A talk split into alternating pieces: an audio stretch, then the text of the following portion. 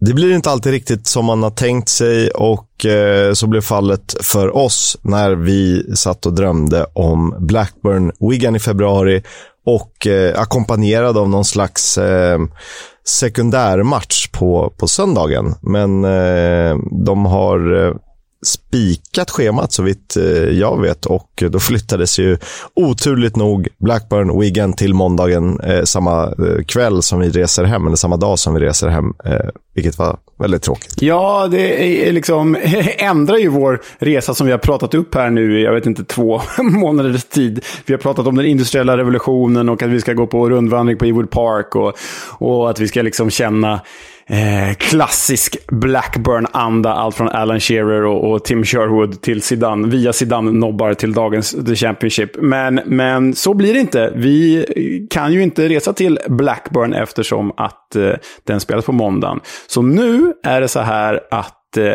resan kvarstår. Vi kommer att åka till England helgen den 4 februari. Vi gör det tillsammans med Nickes.com och eh, ni resenärer och lyssnare, eh, eventuella resenärer och kära lyssnare, är väl, välkomna att följa med. Ni eh, klickar ju in på våra sociala medier eller nickes.com för mer information om den här resan. Men just nu är det alltså oskrivet vart vi ska.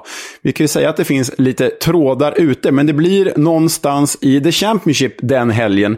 Eh, och det finns väl lite spår, allt från eh, ett Rotherham Sheffield United-derby till eh, Preston North End och andra Lancashire-matcher. Vi får se vart det landar, men till The Championship ska vi i alla fall. Eh, så är det i allra högsta grad. Ehm, Lancashire, Yorkshire, eh, någonstans där där i krokarna. Det går ju att komplettera med matcher i både League 1, 2 och eh, till och med Premier League beroende på hur schemat ligger.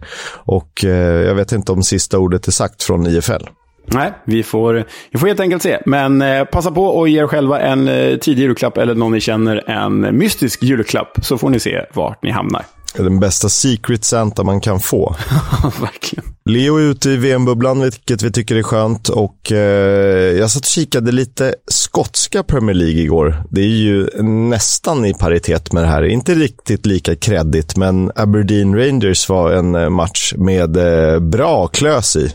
Och eh, som det brukar för Aberdeen så har de det tufft mot de stora, särskilt mot Rangers. De har ju inte jättemånga segrar. Och det är ju eh, ganska tydligt att det är två storklubbar och så är det Aberdeen plus eh, någon, några till som är där och utmanar. Aberdeen känns ju som eh, trean. Men det blev ju så att vår gamla Championship-vän Scott Arfield, eh, skotsk eh, U-landslagsman, sedermera kanadensisk landslagsman med förflutet i både Huddersfield i League One och Championship och i Burnley i Championship. Eh, han gjorde två mål inom loppet av typ två och en halv minut, 95 och 97 och eh, då blev det 3-2 till Rangers. Stackars Aberdeen. Mm, ja, riktigt så typisk. Jag såg inte matchen, jag såg bara resultatet.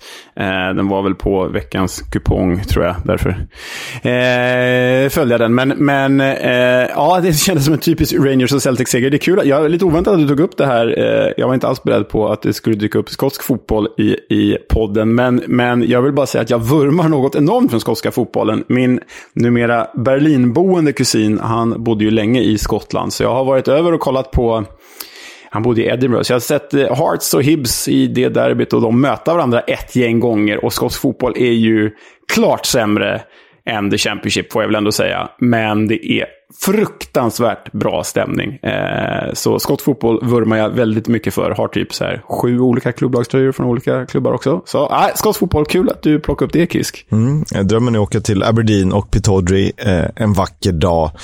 Aberdeen är också lite sammanflätade supportermässigt med just Tottenham, om man inte visste det. Eh, du har ju Rangers Chelsea, du har ju Celtic och Liverpool. Och så finns det ju Tottenham och Aberdeen-kopplingen. Så att jag har ju mitt val där, The Mighty Dons, såklart. Mighty Dons. Själv är jag ju Konstigt nog med tanke på att jag egentligen, liksom, egentligen sympatiserar med den irländska katolska minoriteten i de här, i liksom Celtic mot, mot Rangers till exempel. Och, och borde ju då eh, sympatisera med Hibs mot Hearts. Ännu mer då med tanke på att min kusin faktiskt eh, bodde i Leaf-hamnområdet där Hibs eh, Eh, kommer ifrån. Men eh, Hearts är mitt gäng, för de har ju typ världens bästa klubb, eh, klubbmärke och eh, världens häftigaste namn. Och så eh, gjorde jag ju faktiskt ett examensarbete på det här derbyt i journalistiken och då var Hearts extremt eh, trevliga och tillmötesgående. Så eh, ah, Hearts är mitt gäng, trots att de är liksom royalisterna och protestanterna i, i, i det hela.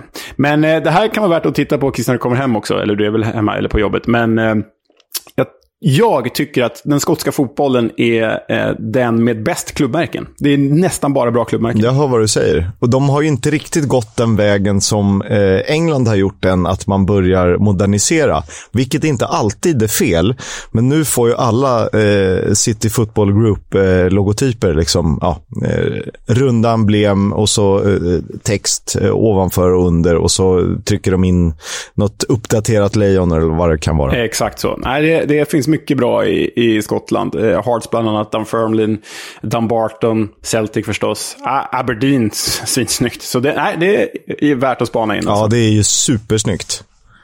Om man är stormrik så kan man ju klicka in på Classic Football Shirts och hitta så här gamla jumpers och tracktops från Aberdeens storhetstid, 80-90-tal. Eh, alltså, löjligt snygga med eh, Adidas originalloggan. Åh, oh, herregud. Ja, ja, det är bra skit. Och eh, vi har väl eh, för övrigt ett samarbete med dem fortfarande. Jag kommer inte ihåg vad koden är för 10% rabatt, men, men det finns. Koden är EFL-podden om man då vill eh, köpa den där tröjan till mig i julklapp. Ja, just det.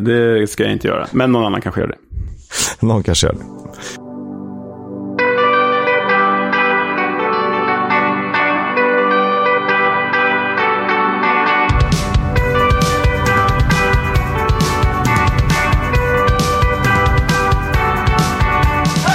Det här är podcasten Footballs Coming Home. Vi pratar om Championship, League 1 och League 2. Ibland eh, halkar vi in i den skotska fotbollen som vi också tycker väldigt mycket om, såklart. Jag heter Oskar Kisk. Med mig i vanlig ordning är ju Leonard Jägerskiöld Welander, soon to be Santa. Ja, jag trodde du skulle introducera ett tredje barn eller presentera. Det är väl lätt... Eh... nej, nej, nej, inte, inte än i alla fall. Eh, VM är slut. Vi behöver inte kommentera det mer än eh, att eh, vi fick en härlig Championship-omgång. Som var mycket roligare än VM, jag vågar lova. Svårt att slå den där VM-finalen oavsett om man tycker Emiliano Martinez. Men det var en rolig Championship-omgång, det var det onekligen. Emiliano Martinez med förflutet i eh, fyra IFL-klubbar. Det tycker vi är väldigt, väldigt roligt. Ja, men herregud. Tänk att han var väl inte det, även om han blev liksom VM-finalens målvakt, så var han väl inte turneringsmålvakt. Men det är sjukt att han liksom, så sent som 2019 harvade i Reading och var inte helt ordinarie där. Och nu har han vunnit både Copa America och VM de senaste två åren. Så det, det svänger fort. Det går fort. Eh, det gjorde det på St. Andrews i fredags, där Birmingham tog emot Reading och eh, en eh, kanon första halvlek av Blues bäddade för tre fina poäng. Ja, det kan man ju lugnt säga. Det var ju då alltså 3-0 till hemmaspelade Birmingham efter 36 minuter. Matchen slutade för övrigt 3-2, så det blev ju lite drama. Men där framför allt eh, galjonsfiguren Troy Deeney banade väg för en fin trepoängare. Eh, han eh, gjorde mål redan i andra minuten och även i 23 minuten på straff. Och han hedrade en Mr Gibbons. Eh, tänker på Gibbon-apor då. Men han hedrade en Mr Gibbons, en supporter som gick bort för ett par veckor sedan. Så det var en fin hyllning från kapten Deeney. Dessutom var det en tyst minut för de offer som omkommit efter att tragiskt ha ramlat i en iskall sjö i Solihull eh, i West Midlands. Då. Eh, någon vecka tidigare. Va? En, det är en ruskig historia det där. De var typ ja. 6, 8, 10 och 11. Eh, jag tror det var fyra pojkar.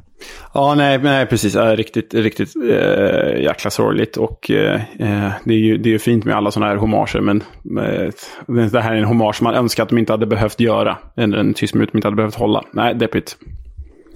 Sen är det ju så att bollen studsar Birminghams väg hela första halvlek och eh, om det inte är någon annan som spelar fram så är det eh, straffar de får. Eh, för det är faktiskt Reading som har övertag i avslut, i bollinnehav och i hörnor. 7-0, hör på den du. Mm. Eh, det, det, det, kan man ju inte tro riktigt när man, när man ser höjdpunkterna. För höjdpunkterna var ganska Birmingham-tunga i den här första halvleken. Men jag såg också den här statistiken. Och, och, och Reading kan ju faktiskt spela fotboll bevisligen den här säsongen. Men det kan ju Birmingham också. Och då kanske, framf då kanske framförallt Tahit Chong. Vilket jäkla mål han, han eh, gör på 3-0-baljan eh, där. Hans första för säsongen. Dödar ju matchen förstås. Men Tahit Chong när han är på spel i mörkisk, det är en det är en lirare lite för bra för Birmingham. Eh, då är han ju så här, eh, när han är så absolut, absolut bäst, skulle han hålla det över en säsong skulle han kunna göra, göra ett Adel Taraptor. Verkligen. Alltså det, det är, och vi har varit inne på det här mittfältet tidigare, men det, det, det är liksom, Birmingham har en sluggish jävla keeper i John Ruddy. De har en riktig så här, eh, eh, kämpa tills vi dör backlinje. De har de två köttigaste anfallarna man kunde hitta i, i köttdisken på Ica, liksom i, i Dini Hogan. Men som har med ett mittfält som är så jävla elegant. Christian Bielik, visserligen defensiv, men härlig bolldistributör i sig. Och så har man då eh, Tai Chong, Hannibal Mabry som är Nej, men det är ju två lirare liksom. Det är riktigt, äh, riktigt äh, pikt mittfält det där. Det gillar vi. Ett udda äh, sportcheferi landar i, så ska de slänga in en Juninho Bacuna där någonstans i, i mixen och då får du, jag vet inte vad. Exakt. Andy Carroll hoppade in sent och det gav ju effekt, trots att Reading blev utan poäng. Det gav effekt för spelet och för målproduktionen. Lucas Joao i 82, Tom Inns i 94, men då var det för sent. Eh, där resultatet betydde att eh, Birmingham klev förbi Reading. De är nu sjua i tabellen. Ja, det... ja eh, åtta är de ju efter måndagsmatchen. Men... Ja, det, det, det är ju helt sjukt. Vi tippade... Jag vet att jag hade dem under strecket inför säsongen i vår stora guide. Jag tror att du hade dem precis ovanför strecket.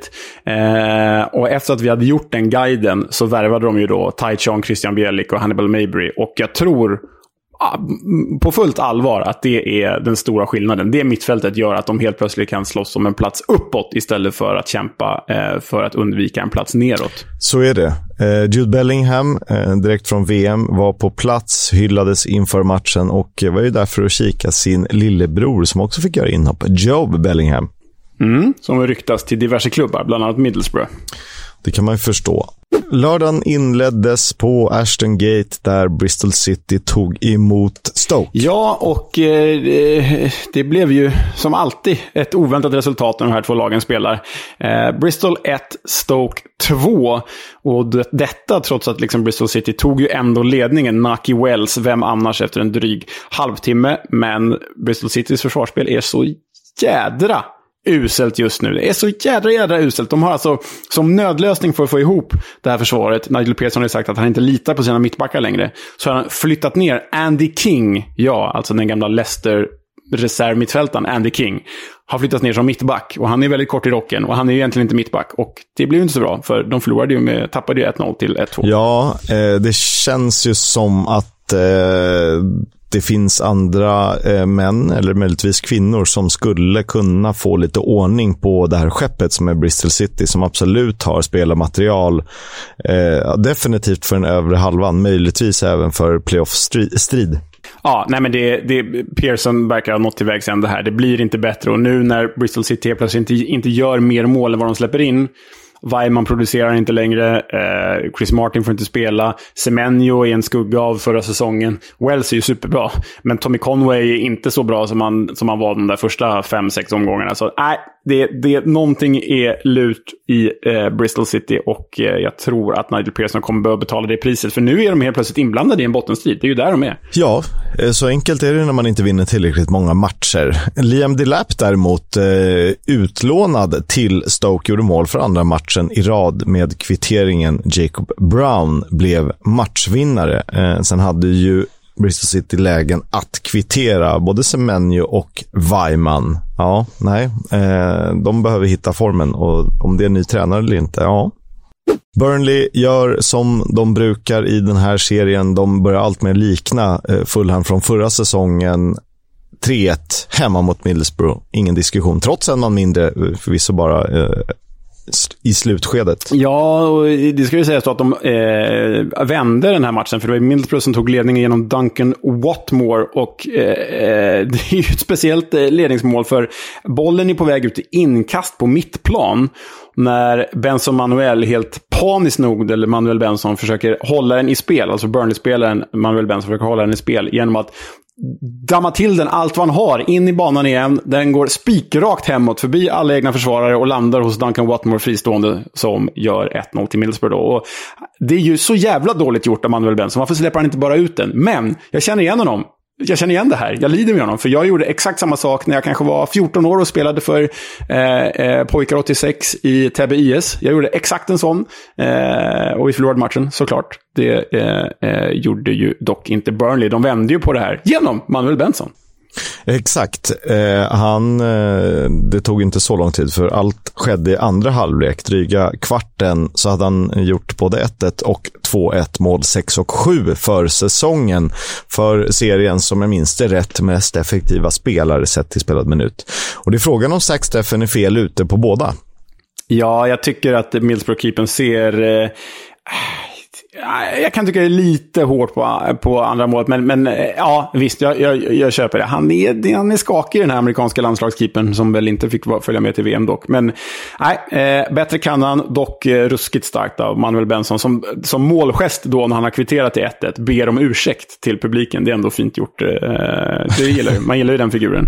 Ja, han är, han är ruskigt bra form just nu och eh, nu, de saknar inte ens Anas Sarori som ju innan VM såg ut som en eh, ja, årets lagspelare nästan. Verkligen. Roberts, eh, Connor Roberts alltså, efter att Burnley gjort 3 till ett självmål av Johnny Howson, blev utvisad i 89 Detta efter att eh, misstänkt ha tagit bollen med handen på straff... Eh, straffpunkter på mållinjen, lite likt Luis Suarez i VM mot Ghana. Eh, men den tog ju i ribban. Eh, men straff blev det, Roberts utvisad och lite karma eftersom Chubak Pom missade. Ja, alltså jag tycker hela situationen är så jäkla konstig. För den tar ju tydligt i ribban och, och bollen ribbar ut. Eh, men Conor Roberts står ju under på mållinjen. Och han försöker ju faktiskt, alltså han försöker ju de facto göra en Luis Suarez. Det är inte att han råkar, utan det är ytterst medvetet. Han försöker ju liksom rädda bollen på mållinjen med handen, boxa bort den liksom. Men han gör ju inte det, för att bollen tar i ribban. Så liksom hans uppsåt är ju värt ett rött kort och en straff. Men han tar ju faktiskt inte bollen, så dom, domaren dömer ju fel, fast han enligt uppsåtet dömer rätt. Ja, det är en märklig situation. Ja, märklig situation som inte påverkade resultatet, eh, vilket ju är skönt när det, när det hamnar så. Eh, Burnley alltjämt i serieledning, Middlesbrough ja, halkar ner lite, men de är ju stadigt där i mitten. Släkten är värst, det vet vi. Eh, det fick vi också se prov på när Cardiff mötte Blackpool och det här var allt annat än rättvist när de lagen spelade 1-1. Ja, men herregud, alltså tittar man på den här matchen. Spelar man om den här matchen med samma matchbild och samma chanser så vinner ju Cardiff på riktigt med 5-1. Det var, vad jag tycker, vad jag har sett den här säsongen, Cardiffs bästa offensiva insats på hela säsongen. Men så gör de bara ett mål. Och då, då straffar sig ju. Och på ett ganska dråpligt sätt också, eftersom att det var Gary Medin som kvitterade för Blackpool, den tidigare Cardiff-anfallaren. Dock gjorde han ju aldrig mål för Cardiff, men det gör han för Blackpool. Det gjorde han. Eh, det var Cardiff som tog ledningen. Kion Etete Eh, det, alltså den framspelningen, din eh, säsongens spelarspaning, eller säsongens värvningsspaning på Callum Robinson, eh, inte helt dum, även om jag tycker att det är en, det är en liten bit kvar. Eh, han hade strax innan varnats för filmning eh, i en situation som hade kunnat resultera i straff. Det beror på om Jonas Eriksson får säga eh, vad han tycker eller inte. Mm. Men sen slår han ju en helt magisk yttersida som liksom skär igenom och blir helt perfekt för ett Tete som, eh, ja, kan lyfta ja. in den snyggt. Ja, men alltså, grejen med Callum Robinson, han är ju inte seriens bästa spelare. Men för ett Cardiff som behövde offensiv kraft, som inte hade mycket pengar att värva för, köper loss Callum Robinson för en och en halv miljoner pund. Vad är det? 18 miljoner kronor. Alltså 19 miljoner kronor. Malmö FF hade ju kunnat köpa Callum Robinson. Det är ju helt, det är helt sjukt. Den här spelaren skulle vara värd att på riktigt typ 70-80 miljoner. Och så går han för 15 miljoner kronor. Eller 19 miljoner kronor. Att det, det, är ett, eh, det är på så sätt en supervärvning för Cardiff. Och det verkar passa honom bättre att vara mitt mittpunkten, själva navet i offensiven i ett, kanske no på pappret då, lite sämre lag än att bara ha en tydlig roll i ett West Brom med flera andra spelare som, eh, som kan ersätta. För här är han ju Cardiff-offensiven. Ja, nej, men det är han ju verkligen. Och det är tyvärr inte ens det tillräckligt, för han är ju för ensam i det där jäkla gänget. Och då ska ni ju höra på statistiken. Det är alltså 22-9 i skott och 8-2 på mål och ändå slutar det 1-1. För ett väldigt decimerat Blackpool dessutom. Ja, de saknade sju spelare. Eh, dessutom Chris Maxwell i mål. Eh, nu stod ju Daniel Grimshaw. Jag tycker att den sistnämnda är bättre. Vi, har ju, vi gick ju igenom deras statistik och de har ju väldigt snarlika siffror. Men eh, jag ser inte Blackpool vecka ut och vecka in. Eh, men jag är team Grimshaw i den här. Ja, Grimshaw, Grimshaw gjorde en väldigt bra match här i alla fall. Det kan man lugnt säga. Eh, Ian Poveda var det som spelade fram Gary Madin. En liten joker. Eh, väldigt eh, fin framspelning, eller fint förarbete ska sägas. Ett annat walesiskt lag som kryssade eh, ganska oförtjänt, fast ändå inte. Men eh, det såg nog inte ut att bli någon poäng för Swansea när eh, de gästade Coventry. Nej, det såg ju verkligen inte ut så. För efter 54 spelade minuter hade Viktor Gyökeres både spelat fram till 2-0 och själv satt 3-0. Ruskigt bra aktion till 3-0-målet för övrigt. Och han, gör, han liksom skottfintar, drar förbi motståndare, skjuter en stolpe, stolpe in. Och han gör ju nästan en likadan eh, i första första halvlek, när det dock inte blir mål. Så nej, då såg det eh, klappat och färdigt och klart ut för Coventry. 3-0 efter 54 minuter, men det blev ju 3-3. Alltså, ja. Det här är ju Championship. Eh, Joel Pirou, Jay Fulton, Liam Cullen. Inom loppet av, hur många minuter är det? 16? Ja, precis. Mm. Och sen var det, eh, var det vänt på steken. Eh, ska sägas också att Jonathan Panso som eh, gjorde 1-0 för Coventry eh, noterades för sitt första mål som senior. Det var roligt. Ja. Men vi ska, som vi brukar, vi måste lyssna på eh, Swanseas kommentatorer när eh, 3-3 målet eh, kom. Here we go! Perot! Yes! yes! Final!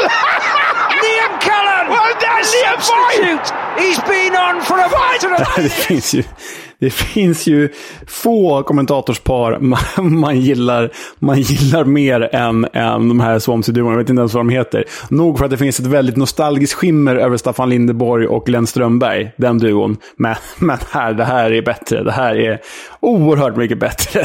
Swansea-jävlarna är riktigt roliga varje gång. Eh, superfavoriter. Det var ju också Swanseas sjunde raka se eh, utan seger. Fem oavgjorda och två förluster för eh, din playoff-utmanare.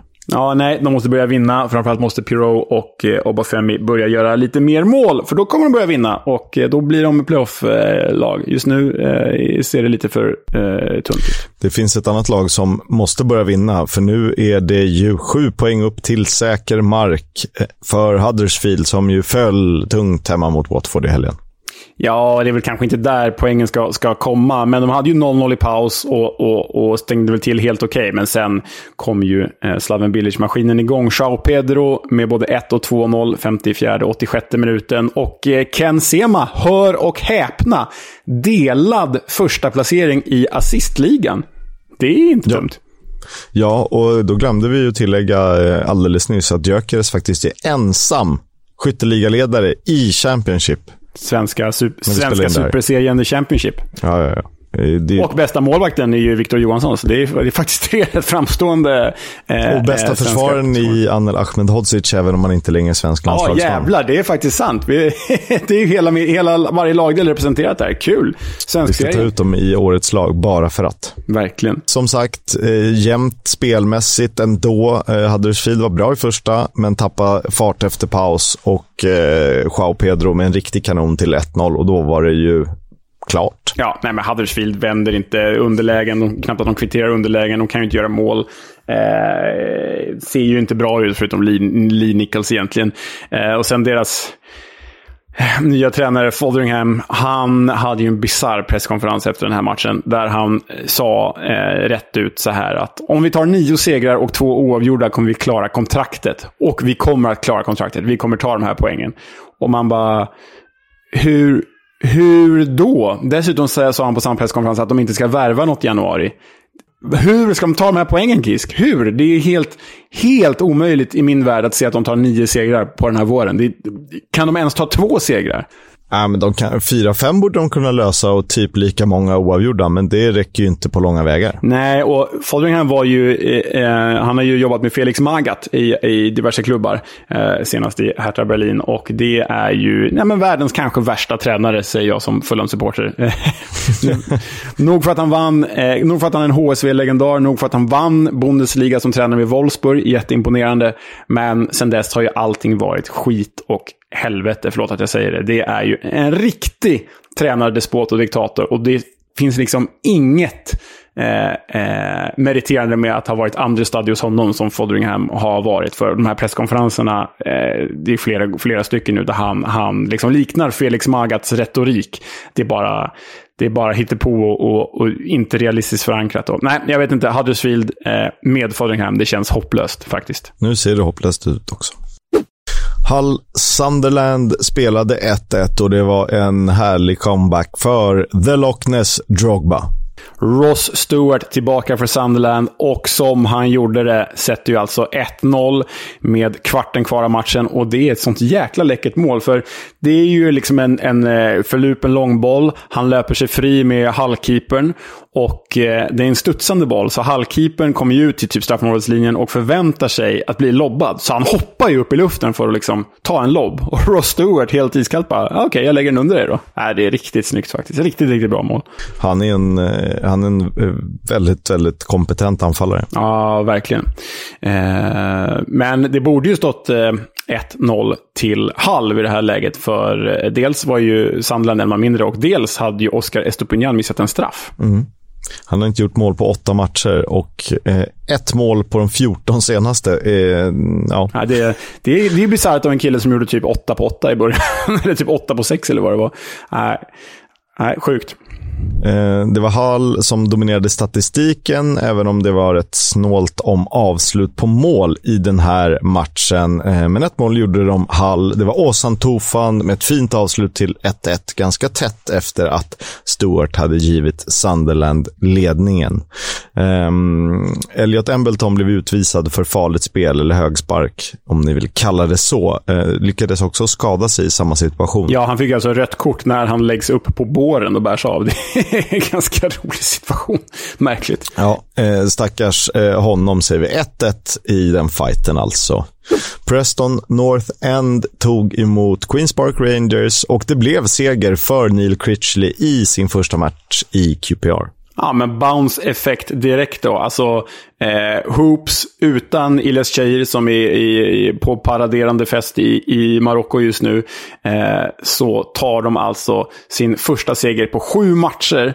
Eh, och faktiskt andra segern på, på Deepdale sedan 1980. Och det under Neil Critchleys första match. Vi måste bara stanna här lite och säga fasiken vad QPR gör rätt i sina tränarutnämningar just nu.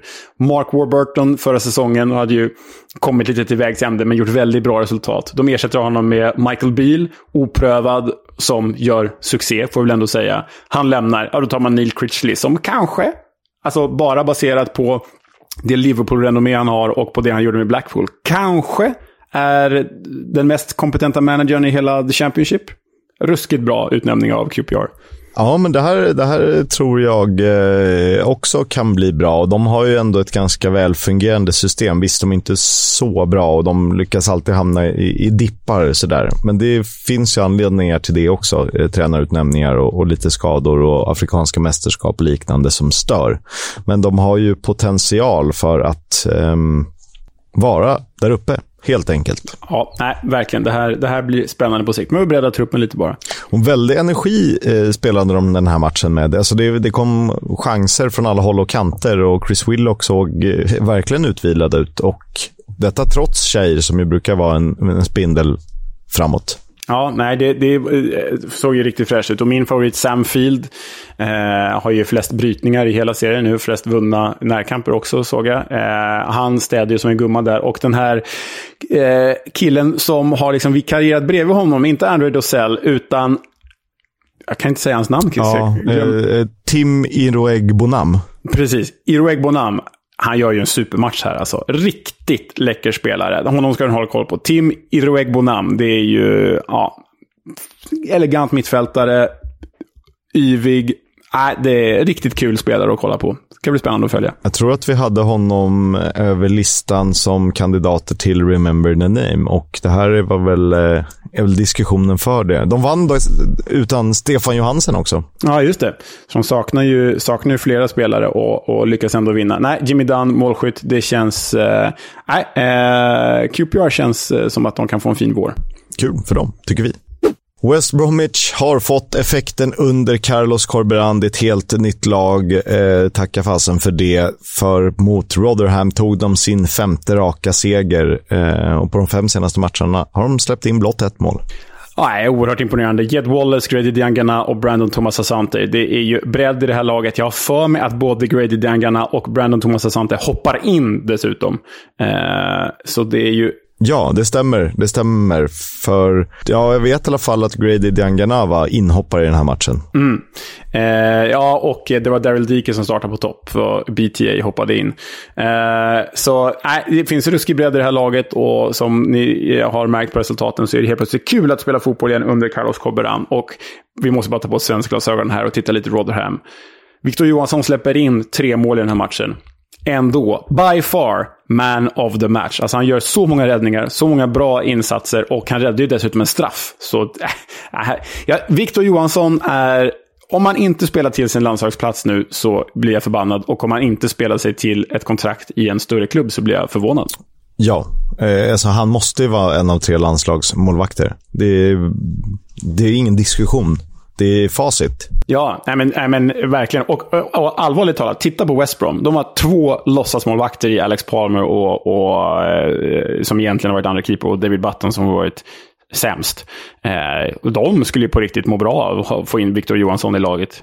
Alltså allvarligt. Ja. Nu, nu vet jag att det är ett stort hopp mellan Rotherham och West Brom i liksom klubb och så, men så bra som Victor Johansson varit och så dåliga som West Broms keeper har varit, det, ja, det är inte... Ja, jag vet att jag hade slagit till. Ja, 100 eh, procent. Jed Wallace bytte jag in i Gaffer. Jag har inte varit inne på länge, men jag tänkte att ah, nu måste jag göra någonting. Eh, satte honom som kapten. Det var ju succé. 1 plus 1 från hans fötter. Och återigen Tom Rogic i poängprotokollet. Framspelning eh, från honom. Ja, nej men eh, de här, har verkligen fått koll på det här. Och och då är det faktiskt Wallace som spelade fram, Jer Wallace spelade fram till Diangana och innan BTA då satte sin egna straffretur. Eh, så nej, uppåt, uppåt, uppåt för West Brom. Ja, de är ju dock på 16 plats. Eh, men de har fem poäng till playoff och fem poäng till nedflyttning inför veckomgången som vi inte tar med i det här avsnittet. Eh, veckomgången, veckomatchen. Eh, de spelar ju en eh, sån där fin liten hängmatch mot Coventry. Vi får se hur det går i den. Eh, Norwich Blackburn 0-2 blev det efter självmål av Ben Gibson och så ett utökande mål av Tyrus Dolan. Ja, och det här eh, visar väl, tycker jag, att Blackburn, trots alla siffror mot dem, ändå är på riktigt. Det här är, som vi varit inne på, det är liksom, eh, Blackburn kan, kan ha statistiken mot sig, men på klassiskt Juventus-manér, eller liksom Sir Alex Ferguson-manér, så, så vinner de ändå. Det, det, spelar inte så mycket roll, det spelar inte så stor roll hur de spelar, för de har sin form och så fort de eh, eh, tar ledningen så vinner de. De har alltså vunnit alla matcher de har tagit ledningen i den här säsongen.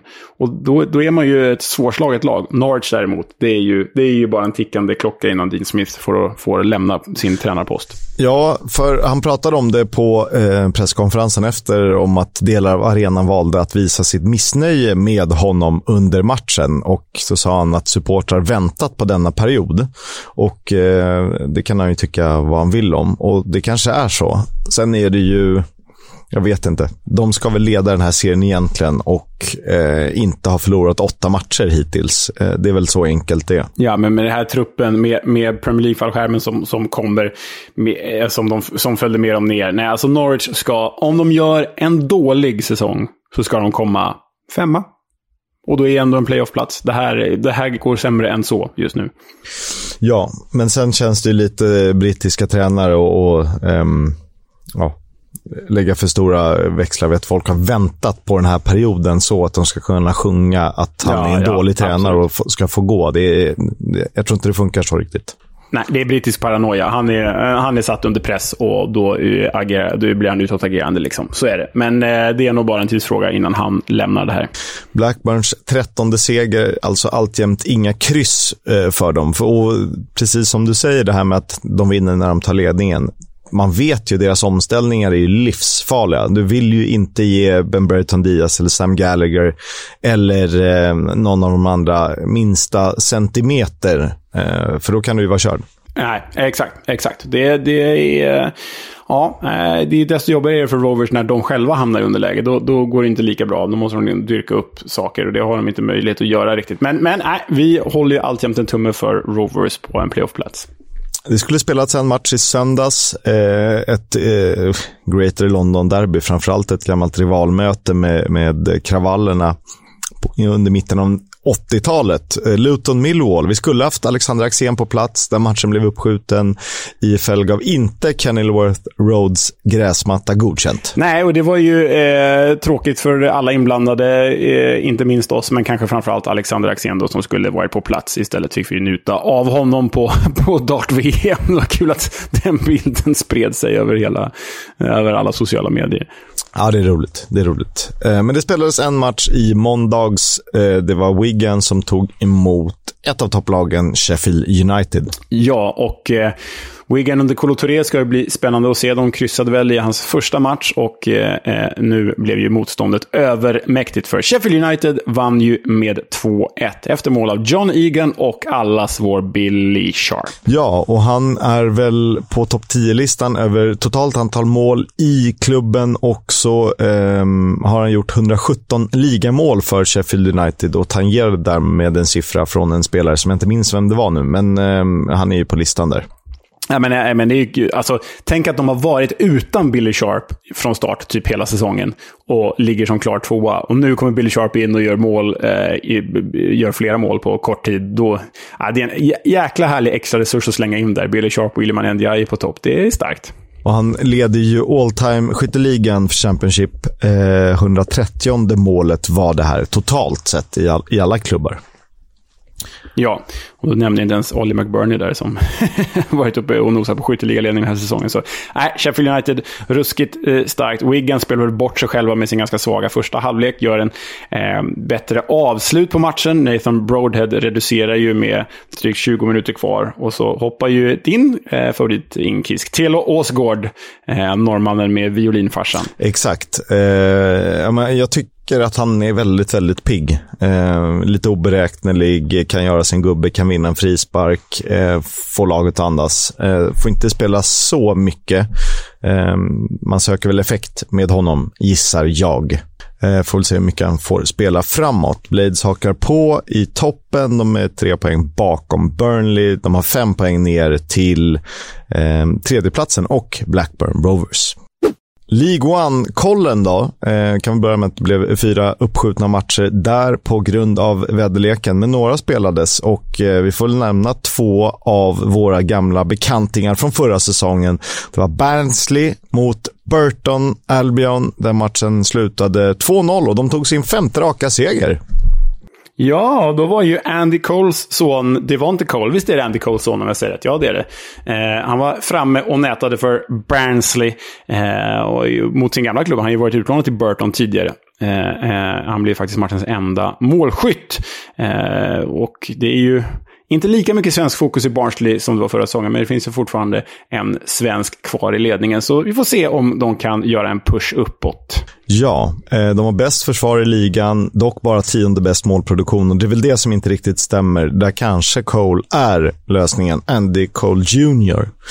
Eh, sjunde raka utan seger för Burton. Nästjumbo är de ju. Eh, samma siffror har även jumbon Morecambe och det ser ju eh, inte så ljust ut för eh, varken, eh, varken räkor eller eh, Brewers. Burton. Eh, Brewers, ja. ja. Nej, det gör det ju inte. Desto ljusare för eh, laget vars tröja jag sitter i just nu. Det är väl den tröja jag har haft på mig flest gånger under våra eh, poddinspelningar. Eh, men det är Derby County. De mosade ju Forest Green Rovers med 4-0 och David McGoldrick gjorde hattrick. Hans blott andra i karriären faktiskt. Mm. Eh, hemmalaget tog sig upp på playoff-plats och det var också eh, tack vare att Peterboroughs match blev uppskjuten. Eh, sen har vi ju en 1-0 målskytt med ett eh, EFL-podden-namn. Nathaniel Otis, Otis Mendes Lang. det är sjukt att alla namn måste skrivas ut där, som att han är någon jäkla argentinare. Juan Roman Riquelme, Juan Sebastian Veron, Gabriel Omar Batistuta, Diego Armando Maradona. Man har till och med fyra den här killen. Är det starkt? Darby spelade ju faktiskt enligt rapporter dazzling fotboll och eh, kan inte annat än att hålla med. Kul. Eh, de är alldeles för ojämna, men när de är bra är de eh, ja, riktigt jo, bra. Så är det. Hoppas att de klarar en playoff-push. Jag vill ju gärna få upp dem med i alla fall ett försök. Charlie Austins kontrakt med Brisbane Roar har gått ut. Eller så här, de kom överens om att inte fortsätta med varandra och eh, han sägs ju vara på gång till Reading. Det vore någonting. Mm, det vore eh, ytterligare en FM-gubbe på plats. Coventrys rugbylag Wasps eh, har alltså inte något med Coventry City att göra mer än att de kommer från samma stad. Wasps har i alla fall ekonomiska problem och har meddelat att de ska spela sina kommande hemmamatcher på Solihull Moors hemmaplan. Något som innebär att Mike Ashleys arena för tillfället inte har någon långvarig hyresgäst. För eh, eh, eh Wasps har ju då lämnat och eh, det långvariga, eh, eller långsiktiga kontraktet med Coventry City är ju inte skrivet. Och man undrar ju då vad Mike Ashley tjänar på sin nya arena om de eh, varken huserar ett fotbolls eller rugbylag. Ja, eh, det är en väldigt bra fråga. För så många konserter kan det väl inte vara i Coventry som drar fulla hus på en, på en fotbollsarena? Nej, det, nej, så känns det ju. Cardiff har straffats med ett transferembargo över tre övergångsfönster. Detta efter att de har missat deadline för betalningen till Nantes för den eh, tragiskt bortgångna anfallaren Emiliano Sala. Cardiffs ordförande har dessutom uttalat sig och sagt att de inte tänker betala något heller. Och eh, Människoliv är viktigare än allt, men det är tråkigt att det hamnar i det här läget. Nej, men jag, jag, jag tycker eh, så här. Jag följer ju fransk fotboll nära, älskar fransk fotboll. Var ju till och med i Nantes och såg Emiliano Sala göra mål strax före han gick bort. Och jag vet att Nantes ordförande Valdemar Kita är en megalomanisk pengakåt jävel. Men här har han ju rätt. Alltså, om man nu ska hålla på och göra en rättssak över att en spelare har gått bort, så, så bara det i sig, ju liksom, ni hör ju smutsigt och, och, och förjävligt det Men han har ju faktiskt rätt här. Salah var ju såld till Cardiff. Allt var påskrivet och klart och Cardiff vägrar betala bara för att Salah aldrig hann landa i Cardiff. Äh, det, är, äh, det är så jävla smutsigt av Cardiff och det är, sätter fingret på vad den här ledningen är för någonting. Det är inte, det är inte supporternas fel, det är inte klubben i sig, men det är en klubb kapad av ja, men, fotbollsidioter. Förlåt. Ja, alltså ett kontrakt är ju ett kontrakt. Eh, då är det ju bättre att man försöker hitta en lösning eh, där man kan mötas eh, halvvägs åt det hållet. Jobba diplomatiskt. Ja, nej usch. Riktigt eh, tråkig soppa. Och att det ska bli liksom eh, eftermälet för Emiliano Sala eller det det handlar om. Nej, för jävligt är det. Usch. Skämmes Cardiff. In other news, Charlie Methven ska bli Charlton Athletics nya VD. Charlie vem då undrar ni? Jo, Charlie Methven som tidigare ledde Sunderland som VD. Han är ju känd från flera fiaskon i Sunderland till I Die. Bland annat från den här klassiska scenen. So this is Dance the Nights, right? Which for some people have some associations with glorious times past, etc. For that short period at the Stadium of Light when everything was going really well. My personal instinct is new start, fresh beginnings, new sound. Can someone challenge me on that? Um, it's been here since the stadium opened, so it was the run out music when the stadium opened or the build up music. So with a certain age group of fans, I think it resonates. Yeah. Doesn't get you up for it. It's too slow. It's boring. It's like oh, going in the quite, stadium. Quite dramatic, isn't it? Though slow. It's, it's this, this, this is how I do it as a DJ. Is you've got to try and build people up, and you've got to try and get the, the atmosphere building through, through a track. If you try and think about the atmosphere that Chris and I agree that we're trying to create, we want it to be rocking in there and a bit a little bit mad, a little bit like people, some of the fans take pride in the fact this place is going to be a bit noisier, a bit more in your face. One thing I would say is that it doesn't matter what you play unless you get a new PA system. Ja, det är ju inmarsch eh, låtbytarkaraktären. Mm, ja, det, är, äh, det är ju en, en väldigt eh, rolig figur att sitta och skratta åt när man kollade på Sunderland till I die. Men att, så hade jag varit Charlton-supporter nu eller Astrid Ajdarevic, då hade jag varit orolig på riktigt. Ollie McBurney är eh, frikänd i det misshandelsfall som rör playoff-semin mot Nottingham Forest i våras och han tyckte det var skönt att kunna andas ut mm. lite. Och sen kommer lite värvningsnyheter här, för januari närmar sig med stormsteg. Och då är det så att Blackpool har gjort klart med den irländska högerbacken Andy Lyons från Shamrock Rovers. Millwall har säkrat Aidomo Emako från eh, Shamrock Rovers, som är 19-årig ytter.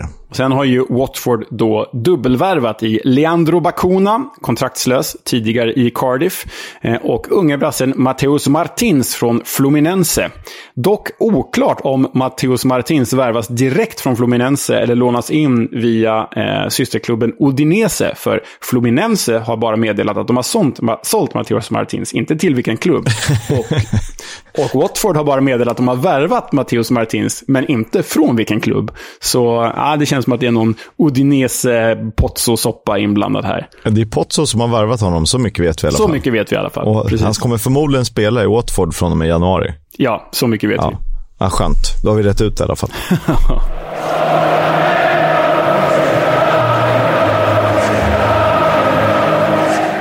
Fotbolls Coming Home sponsras av Stryktipset, ett spel från Svenska Spel, Sport och Casino. För dig över 18 år. Stödlinjen.se. Eh, vi får ju blicka framåt ett par dagar, för det är ju Boxing Day-fotboll. Superhärligt. Eh, inför veckomatchen har West Brom fem raka segrar med Carlos Corberan vid rodret. Eh, och detta efter en säsongsinledning som varit allt annat än vi trodde att den skulle vara. Samtidigt har ju Bristol City varit lika röriga som förra säsongen, men inte så pigga som vi trodde och kanske hoppades på. Förr eller senare kommer ju smällen för West Brom, väl? Om de inte gör en eh, Nottingham Forest förra säsongen. Jag tror att den smällen kan komma på Ashton Gate, så här eh, vill man ju gardera. Leo, vad ser du fram emot under julhelgen? Ja, men det är ju så här att eh, det kanske var det som skapade den jag blev, eller den jag är idag. Men min födelsedag är ju på Boxing Day. Eh, passande nog. Och eh, jag vet inte vad min kära familj har planerat, eller om de har planerat någonting alls. Men om du lyssnar på det här, Marie, min kära fru, så önskar jag mig ett Championship Marathon. Att få äta lite mat med, med er och sen bara få titta på matcherna. För det är så jäkla mycket matcher den här dagen, Kisk. Alltså om jag får välja helt själv, då kommer jag kolla på Sunderland Blackburn 13.30. Jag kommer följa upp det med att kolla på Sheffield United Coventry 16.00. Sen direkt i, väg, i kant till det, 18.15 Reading mot Swansea och sen stänga kvällen 21.00 med Burnley Birmingham. Burnley Birmingham? Spelar de på annandagen? Nej, de spelar den 27. Det har du rätt i. Ah, ja, nej men då du får vi... Luton Norwich som sena. Cardiff eh, QPR eh, halvsena. Ja, just det. Så där är det. Reading Swansea och Burnley Birmingham i tisdagsmatcher. Skit i dem då. Då blir Cardiff QPR 18.15 och Luton Norwich eh, 20.45. Perfekt ju. Ni, så, ni hör ju att Leo inte har en aning om hur schemat ser ut, så gå in på någon välvald sajt och kolla vilka tider. Det är, också, det är skönt att det spelas en match 13 och en 13.30. Okej. Okay. Ja, det är faktiskt fantastiskt. Eh, mycket roligt att se fram emot där, såklart. Men Äntligen är The Club tillbaka och eh, vi har ju avhandlat alla klubbar som spelar Championship nu. Eh, vi är en bra bit ner i, i League One och nu ska vi få bekanta oss med världens grönaste fotbollsklubb. Det är alltså Forest Green Rovers. Och här brukar vi då ha en inmarschlåt eller en klubbhymn eller ett anthem som inleder eh, hela stycket om klubben. Men jag har trots idoga försök inte hittat något i musikalisk väg för Forest Green Rovers mer än lite diverse så här, om ni vet, ramsor, eh, klipp på, på, på läktare och så, där de bara sjunger lite slött. Så eh, eh, om Kisk inte trollar fram något ur sin eh, hatt så, så blir det här sånglöst, tyvärr. Eh, Forest Green Rovers är ju en klubb med historia, men de verkar inte vara en klubb med så många fans. Men nog om det. Vi eh, eh, kör igång den här berättelsen. 2015 blev den över 100 år gamla klubben Forest Green Rovers världens första veganska förening. I alla fall fotbollsförening. Miljövänliga innovationer installerades på arenan The New Lawn och eh, FGR blev så sakteliga en världsnyhet. I alla fall efter 2017, för det var då de tog steget upp i The IFL för första gången. Men vi är inte där i berättelsen än. Vi återkommer hit. Vi tar från början istället. Klubben grundades 1889 av pastor E. J.H. Peach, hemmahörandes i det så kallade Forest Green Area i Nailsworth. Och då undrar man då, vad i helvete är Nailsworth för någonting?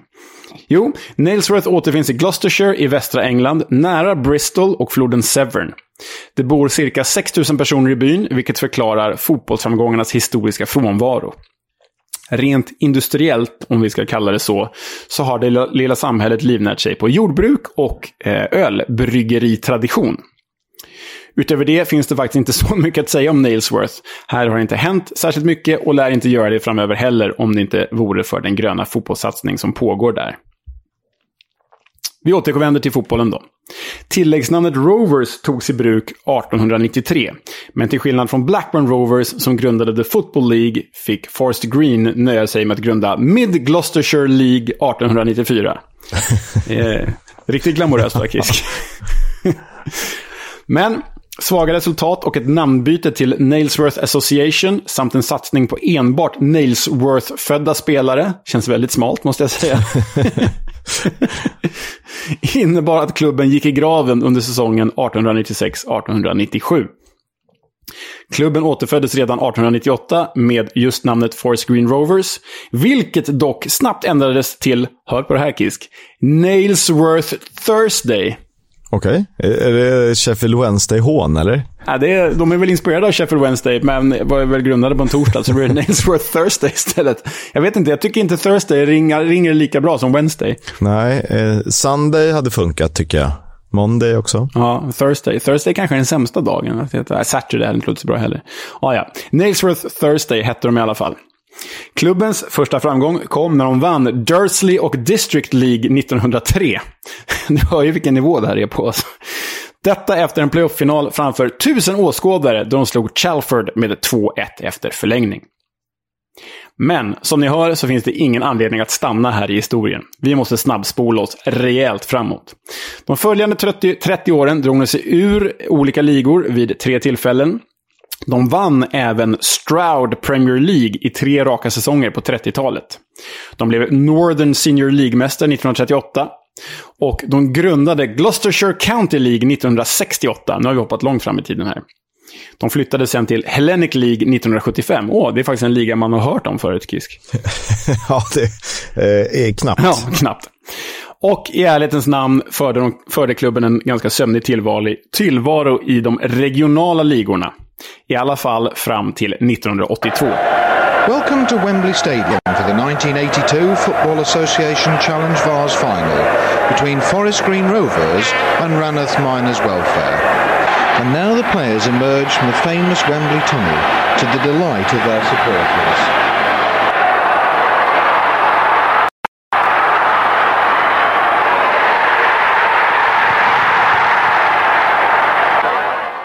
Det kanske inte var så lätt att höra på det där klippet, men det ni faktiskt hörde var när Forest Green vann FA Vase-finalen 1982 efter 3-0 mot Rainworth Miners Welfare. Och visst är FA Vase, om man säger FA-cupen är ju för eh, lag 1 till 4 på nivån, alltså eh, IFL. Och sen kommer FA Trophy under. Mm. Har jag rätt då? Och sen ja. FA Vase är alltså om FA Trophy är semiprofessionella så är FAVs amatörlag. Är det... Exakt så. Ja. Exakt så. Och här är ju de då alltså 1982. Det är amatörfotboll då som de blir mästare över av. Men det var ändå imponerande givet förutsättningarna. För här hör ni delar ur ett inslag från säsongen 1982. The team who play on the lawn at Nailsworth are semi-professionals. During the week, they're sales reps, builders, welders, printers. There's even an accountant. Some of them have league experience, but their most famous player is Graham Day, a Rovers regular before playing for Portland Timbers. And they've all provided the skills this season that have promoted the team to the Southern League. I think it's going to mean a lot, not only to the club, but to the area. Uh, for a long time, we've been a backwater in soccer, uh, almost a laugh to uh, the people in the other parts of the country. I think for the first time, Forest Green have got a chance of winning a national competition with local boys, and I think Gloucestershire itself will rejoice. Och manager Bob Mercell fick ju rätt i det han sa. Men eh, det är också spännande att han, en engelsk manager, kallar det för socker istället för fotboll. Det är ju märkligt. Nåja.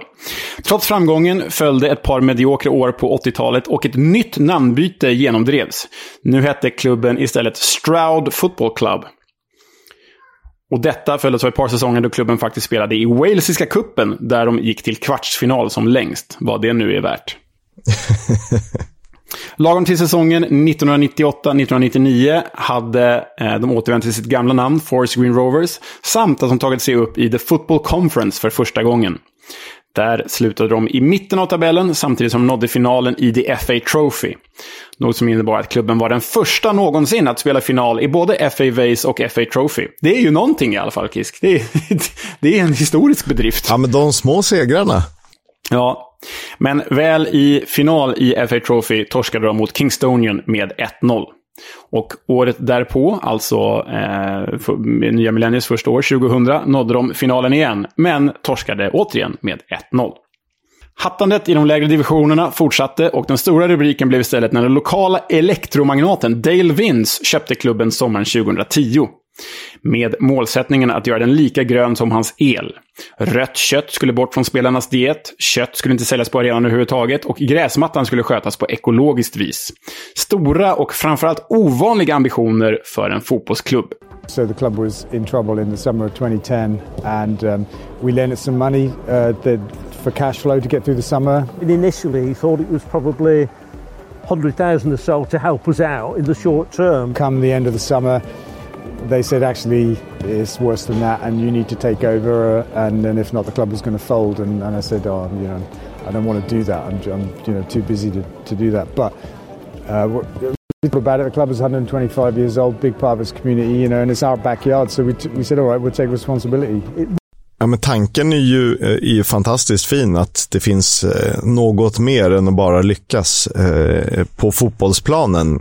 Sen är det ju ehm, Ehm, kan man tänka att visionärer är galna? Det ska de ju vara, men um, en klipp ett par år och han är inte helt uh, offside, den gamla new age-liran. Eh, under den barmhärtiga samariten Dale Vince förändrades inte bara klubben i grunden. Den gjorde det sportsligt också.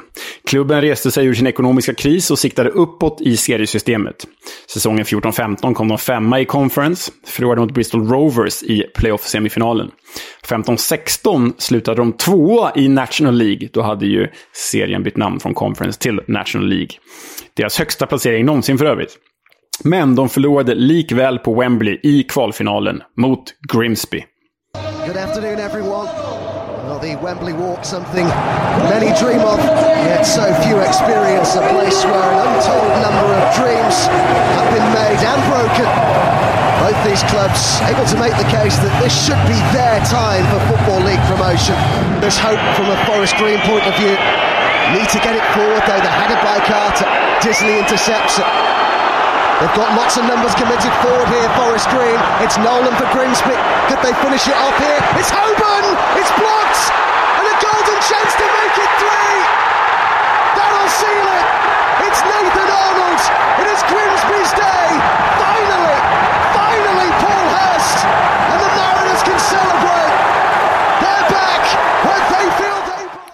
Grimsby tillbaka till The Football League alltså. Forest Green Rovers alltjämt kvar i National League.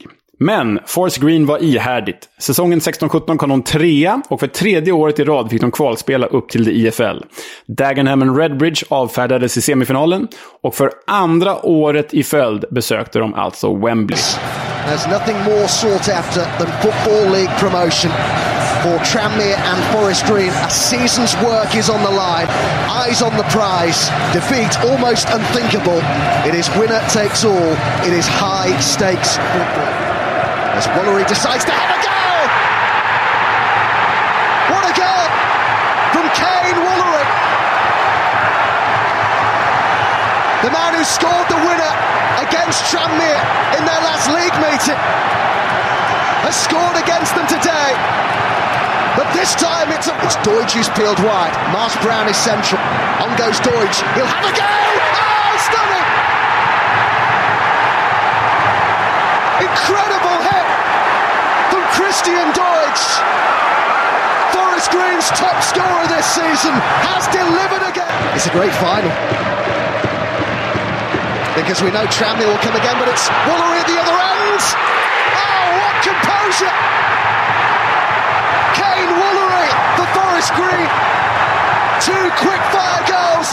Is Mark Cooper going to be the first man to take them to the promised land?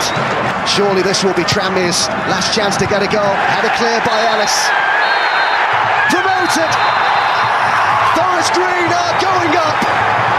A football league club for the first time in their history. It's third time lucky in the playoffs.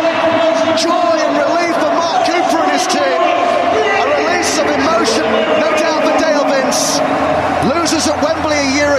What a contrast today. The National League's longest serving club. They've dreamed about and worked towards this for so long. Now it's a reality. Now they can celebrate. Upp i DFL för första gången i historien alltså. Och det dessutom som den klubb som hade varit längst i National League dessförinnan. Klubbens överlägset största stund. Och om det inte vore nog blev Forest Green världens första, vad säger man, klimatneutrala, karbonneutrala klubb, eh, fotbollsklubb 2018. Detta utifrån FNs regelverk om, eh, ja men, eh, FNs klimatregelverk helt enkelt. Något som ägaren Dale Vince ska ha allt beröm för. Day one here of, of being in charge of the football club, I bumped into my first thing. We were serving a beef lasagna to our players, and uh, I sat down immediately with the uh, with the chef and the manager and said, "We can't do this," you know. So we took red meat off our menu on day one of being in charge. We upset some people and we said, look, try our food. This is why we do it, by the way. We didn't just do it, we explained why. And if you don't like what we serve here, just bring your own. We don't mind, you know. Uh, I'm not vegan or vegetarian, but I don't mind not eating meat when I'm here. Uh, and I think uh, quite a few people have recognised that you know they can eat meat any other time of the day or the week. Why not try vegan food and then be pleasantly surprised that they enjoy it? Och Forrest Green hade ju jobbat med den här visionen och målbilden sedan 2010. Och nu när de tagit steget upp i DFL och blivit först i världen som klimatneutral nådde de rubriker överallt, världen över. Och deras klimatmål är anledningen till att de är omskrivna. För de sportsliga framgångarna, eller jag vet inte vad vi ska kalla det framgångarna, men de sportliga resultaten kommer ju i andra hand för den här klubben. Trots att de faktiskt numera spelar i League One efter förra årets bragd, då de tog steget upp i den engelska tredje divisionen.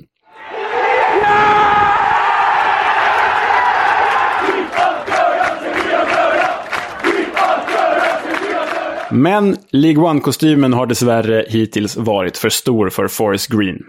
Men i tredje divisionen har kritiken mot dem faktiskt stagnerat eller mojnat. De har ju tidigare fått mycket skit för att de ska ha köpt sig upp genom systemet. Och det är väl det jag har om Forest Green, Kisk. Där var det slut. Där var det slut.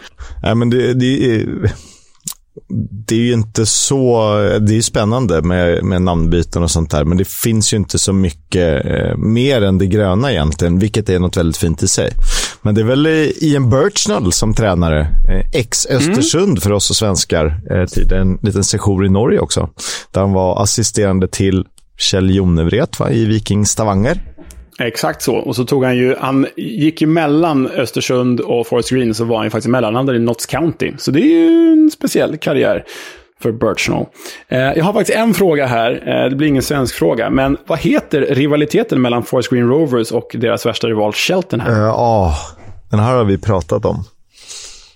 Um... Nailsworth Gloucestershire uh, Association Cup of the Trophy Vase. El Glostico. Ja, men såklart. Ja, den, är, den får fyra plus ändå. Ja, men den, den har ju någonting, eller hur? Uh, ja, jag vet inte. Jag brukar i alla fall... Uh, alltså det, det, finns ju väldigt... Uh, ädelt inslag här eh, eh, i, eh, i Forest Green tycker jag. Nobelt med, med sina klimatmål och så. Och jag, jag brukar ju fastna för de klubbar man berättar om. Men jag gjorde inte det riktigt här. Det är väl för att de är än så länge historielösa, tyvärr. Jag är väl någon slags historiesnobb då, antar jag. Men jag, det fastnade inte riktigt på min, på, i mitt hjärta. det här. Nej, du sålde inte riktigt in det heller. Så vi åker inte och kollar dem än. Nej, så är det. We'll have a chat about the fucking game. About your game, last few months, last few weeks. Fucking character. Neil Warnock är alltjämt arbetslös, vilket gör oss väldigt, väldigt nedstämda. Eh, däremot är det roligt för han har ganska mycket tid att gästa olika sammanhang som poddar och voddar och eh, allt vad ni kallar det. Bland annat så eh, satte han sig ner och pratade med Big Sam, som har en podcast tillsammans med en tjej vars namn jag nu glömt. Och de pratade om allt mellan himmel och jord. Bland annat om hur Neil Warnock eh, faktiskt fick eh, jobbet som manager för Cardiff. When I went to Cardiff and, and Mehmet Delman, who was one of the best chairmen I've ever had, um, we were, at, he shouted, he, he telephoned me down. I'd had, a, I'd had Bamber and Hoylett waiting in the wings to play sign for me. And I told them, we're going to get a club in July, August. Are you with me? And I spoke to Blackburn and Forest and places like that. Never materialised and they kept going. In September, these two lads kept ringing me up. Gaffer, we're going to have to pay the bills soon, you know. And I said, keep, just have faith, have faith in me.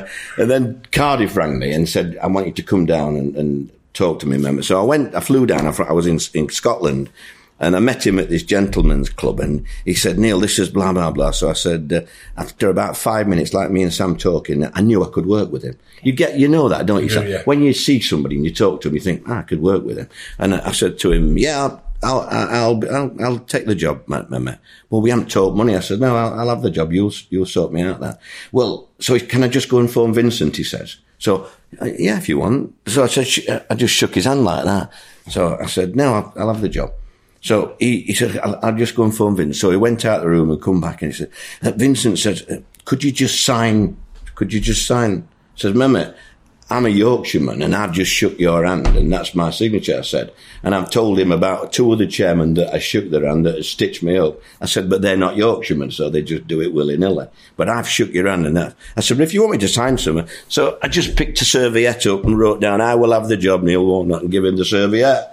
And, and that's, uh, that's how it was. Where with me. is that serviette now? I He's don't- got it. Can you He's- imagine? I mean, I mean, he's got it framed. He's got it framed, yeah. yeah.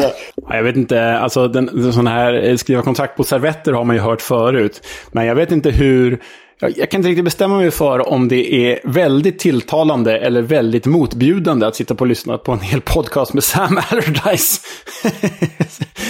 blir, man, blir man sugen? Jag vet inte, man kanske blir det. Jag har, kan erkänna att jag har kollat delar av den, eh, men det är mest för att se Neil Warnock eh, briljera. Sen känns det väldigt filmbolagspampigt att skriva under saker på servetter och skicka mellan old school-ledare.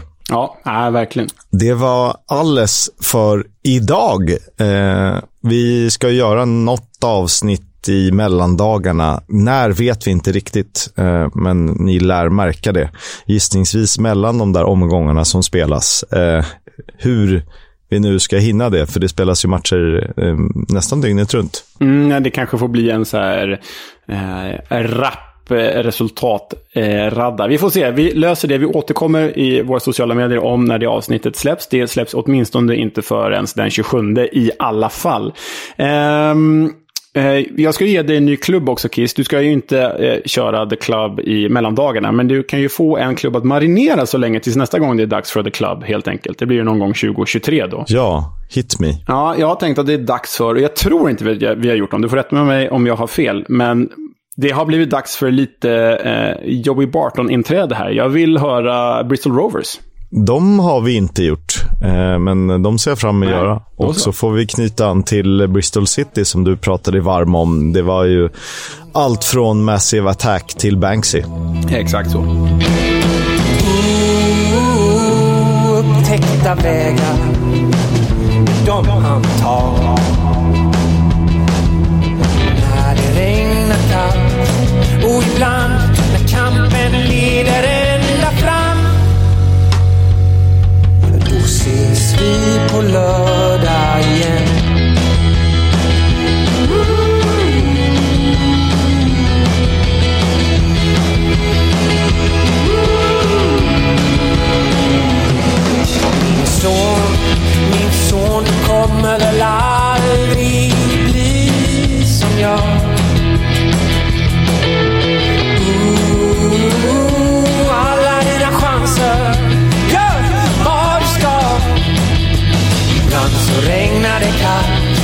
Men till slut leder kampen